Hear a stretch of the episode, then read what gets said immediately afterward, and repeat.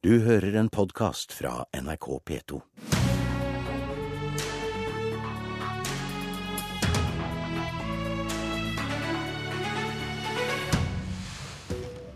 Velkommen til Politisk kvarter, finansminister Siv Jensen fra Fremskrittspartiet. Takk for det. På statsbudsjettdagen pleier vi få besøk av en finansminister med et hemmelighetsfullt smil. Men du har vel knapt en hemmelighet igjen? Har du det, da? Det har vært eh, veldig mange spekulasjoner om hva som kommer i det budsjettet jeg legger frem for Stortinget klokken ti. Eh, det som er viktig å si, er at dette er et budsjett for eh, arbeid, aktivitet og omstilling. Det er et budsjett som svarer på de utfordringene vi nå står overfor. Det handler jo om at vi først og fremst må løse de langsiktige omstillingsutfordringene. Når færre skal jobbe i olje- og gassrelatert næringsliv, så må vi legge til rette for at det skapes nye bedrifter, nye arbeidsplasser andre steder. Det tar tid. Da må vi sørge for at det kommer flere investeringer. Derfor er det et veldig godt tidspunkt å legge frem en skattereform på. Men så må vi svare på de kortsiktige utfordringene gjennom det faktum at arbeidsledigheten stiger og folk må få noe å gjøre. Vi kommer tilbake til omstilling, men du var savnet i trontaledebatten i går? Ja, men det er ikke helt uvanlig eh, at en finansminister ikke deltar i trontaledebatten fordi hun rett etterpå skal eh, presentere statsbudsjettet. Det var eh, mange statsråder som deltok i den debatten sammen med statsministeren. Så helt uvanlig var det ikke. Men jeg, det er jo hyggelig å være savnet, da. Jeg hørte at typisk Arbeiderpartilederen gjerne hadde ønsket seg litt duell med meg i går. Men det får han med anledning til å gjøre i dag. Av de store temaene var flyktninger. Statsministeren sa at det kan komme så mange som 40 000 asylsøkere til Norge neste år. Dette vil koste penger, både for regjeringen og for kommunene som skal bosette de som får opphold. Og til det de ikke fikk svar på i går. I starten av valgkampen oppfordret du kommunene til å ikke bosette flyktninger. Si klart nei i alle landets kommuner til å ta imot flere flyktninger. Vil du fortsatt oppfordre dem til å si nei til å bosette flyktninger? Jeg har sagt to ting helt siden Stortingets vedtak om 8000 syriske kvoteflyktninger over tre år. Det ene jeg har sagt, er at regjeringen skal følge opp Stortingets vedtak. Men det andre jeg har sagt, er at Fremskrittspartiet ønsker en fortsatt streng og rettferdig asyl- og innvandringspolitikk i Norge. Og jeg mener at det er viktigere nå enn noen gang, når vi ser den asyltilstrømmingen som nå kommer både i år, neste år og kanskje senere også hvis vi ikke får gjort noe med det.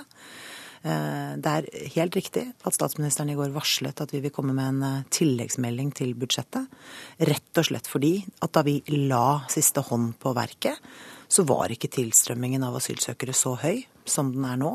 Det betyr at vi må justere budsjettet for det. Spørsmålet var vil du fortsatt oppfordre dem til å si nei til å bosette flyktninger? Det er altså sånn at det er opp til hver enkelt kommune eh, om de ønsker å ta imot flyktninger. Du hører fall, at du ikke svarer på spørsmålene. Og i så fall hvor mange de ønsker å ta imot. Fremskrittspartiet er for en restriktiv asyl- og innvandringspolitikk. Og det betyr at våre lokalpolitikere naturlig nok er opptatt av å begrense tilstrømmingen. Så jeg skjønner ikke at dette er et problem. Når regjeringen med denne finansministeren har sagt at vi skal følge opp det vedtaket Stortinget har fattet. Men Nøkkelordet her er oppfordre. Og spørsmålet er vil du fortsatt oppfordre kommunene til å si nei til å bosette flyktninger? For det var det du gjorde i starten av valgkampen.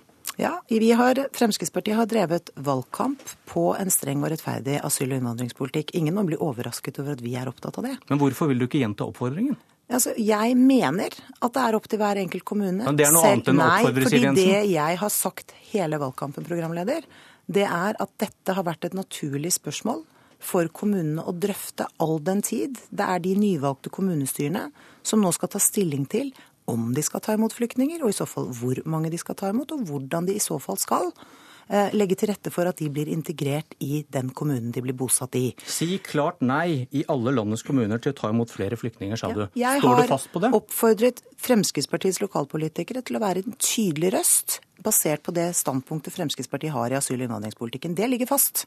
Og men du nekter å, å si det igjen. Hvorfor, hvorfor, vil du ikke gjenta de ordene? Jo, men jeg... Skjønner du at folk lurer på hvorfor Nei, finansministeren og partilederen folk... vil gjenta en oppfordring om det i situasjonen vi har i dag? Det jeg tror folk lurer på, er hvordan vi nå skal løse den tilstrømmingen som vi nå ser.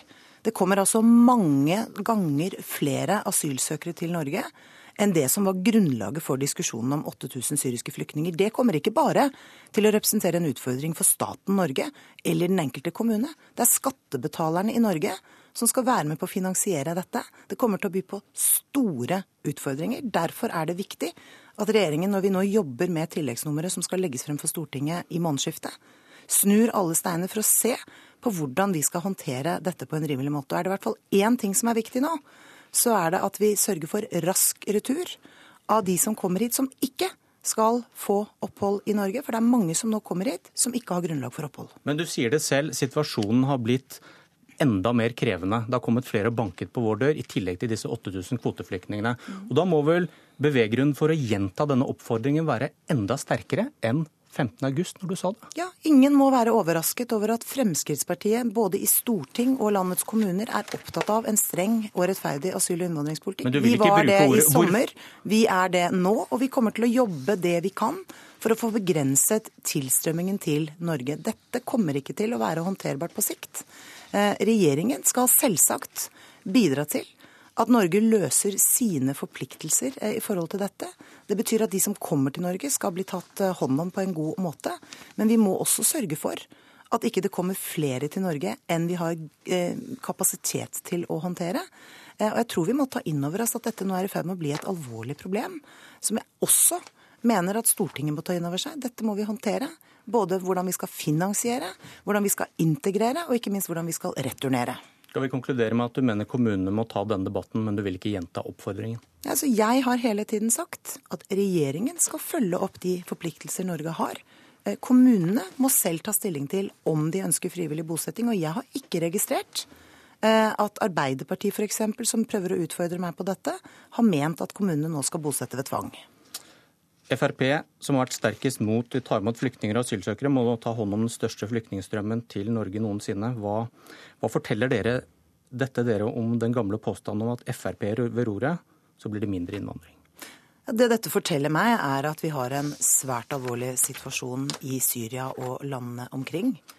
Som krever resolutt handling, ikke bare fra norsk side, men fra hele verdenssamfunnet. Det er jo derfor Fremskrittspartiet og regjeringen ved gjentatte anledninger har sagt at noe av det viktigste vi kan gjøre, er å hjelpe mer i nærområdene.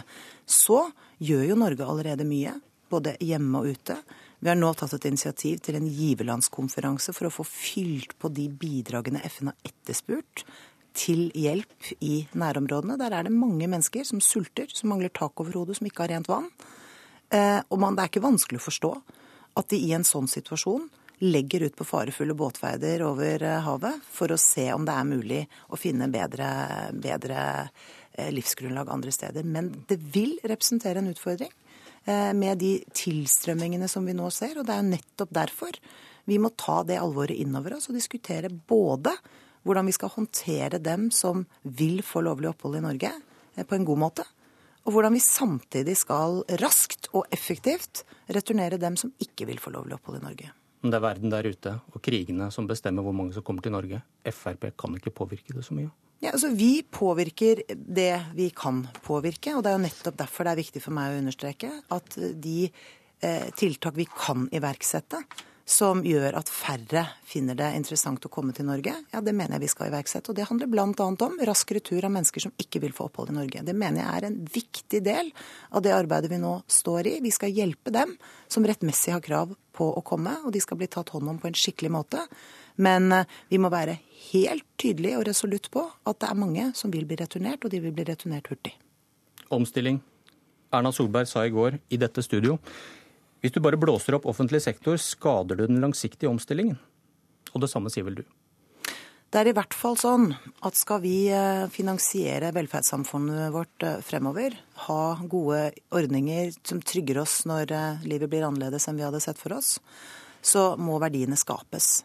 Når vi nå vet at færre mennesker skal jobbe i olje- og gassrelaterte næringer fremover, så må vi sørge for at det skapes et grunnlag for at det skapes nye bedrifter, nye arbeidsplasser andre steder. Men ved alle korsveier, budsjetter og reviderte budsjetter som du har lagt fram, så har offentlig sektor økt. Dere bare blåser opp offentlig sektor med stadig mer oljepenger.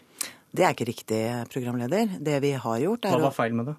at vi har styrket de velferdsordningene som eh, regjeringspartiene har gått til valg på. Vi har sagt at det er viktig at kommunene får tilført mer penger fordi de forvalter de grunnleggende velferdsoppgavene som pleie og omsorg, utdanning, eh, for å nevne to viktige ting. Jeg skjønte ikke hva som var galt med det, jo, det jeg fordi sa. Eh, det vi har vært opptatt av, er å effektivisere offentlig sektor. Men offentlig sektor har økt ved hver vært, korsvei du har hatt muligheten til å legge en hånd på et budsjett? Vi har vært opptatt av å effektivisere offentlig sektor samtidig som vi har frigjort ressurser til bedre eh, tjenesteproduksjon. Det er altså mulig å gjøre begge deler, eh, programleder.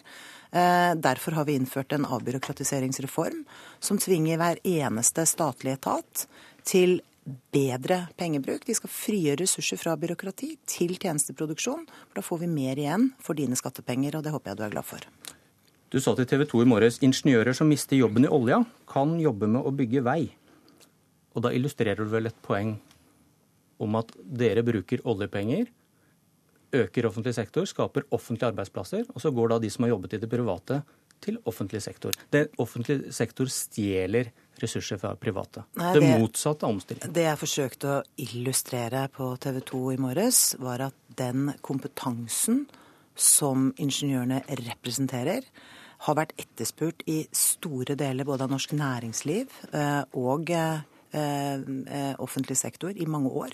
Men det har ikke vært mulig for dem å få tilgang på ingeniørkompetansen fordi olje- og gassrelatert næringsliv har støvsugd markedet. Nå er situasjonen en annen, men vi har fortsatt behov for ingeniørkompetanse. Det er altså sånn at vi har eh, Vi setter nye rekorder i samferdselsinvesteringer eh, gjennom denne regjeringens budsjetter. Det er bra. Fordi god infrastruktur gjør eh, bedre, gir bedre lønnsomhet for næringslivet vårt. Kortere reiseavstander, kortere reisetid. Og man krever altså rett og slett god ingeniørkompetanse for å planlegge og legge til rette for at den veibyggingen kan gå så smidig og rask og effektiv som mulig. Det er jo også en viktig del av veibyggingen. Få mer igjen for hver krone vi bruker på samferdselsprosjekter. Og historien er lang når det gjelder ja, ikke bare vellykkede prosjekter, da, kan du si, hvor man har brukt unødvendig mye penger på administrasjon og planlegging. Men eh, du mener da det er viktig at de store pengene bidrar til investering og omstilling? Ja, fordi det er det som skaper nye arbeidsplasser på sikt. Men dette er jo ikke noen enkel løsning. Det er altså sånn eh, at det å legge til rette for at noen tør å investere pengene sine i nye bedrifter fremover, eh, det skal vi være veldig glad for. Men da handler det om å legge frem eh, en skattereform, som regjeringen har varslet at vi vil gjøre i dag, som nettopp skal bidra til at vi frigjør kapital til nye investeringer i nytt næringsliv. Men du, den aller største lekkasjen du selv kom med før budsjettet, 2,7 milliarder kroner til gifte og samboende pensjonister. Hvordan bidrar det til omstilling? Det er eh, slik at når eh, regjeringen finansierer eh, vekst i helsebudsjettene, så har ikke det så mye med omstilling å gjøre, men det har å gjøre med at vi også skal trygge gode, viktige samfunnsoppgaver. Det å sørge for at vi har rask pasientbehandling handler om trygghet for helsa vår, og det er like viktig selv om vi også prioriterer de store pengene på arbeid, aktivitet og omstilling. Og vi har lovet men her bruker du de store vi, pengene til å blåse og, opp offentlige utgifter, og det er ikke noe som bare kan trekkes tilbake. Nei, vi har lovet eh, landets pensjonister at den urimelige avkortingen i grunnpensjon for gifte og samboende pensjonister skal eh, endres. Og nå leverer vi på et viktig løfte Fremskrittspartiet har gitt gjennom mange, mange år. Hva med å kutte?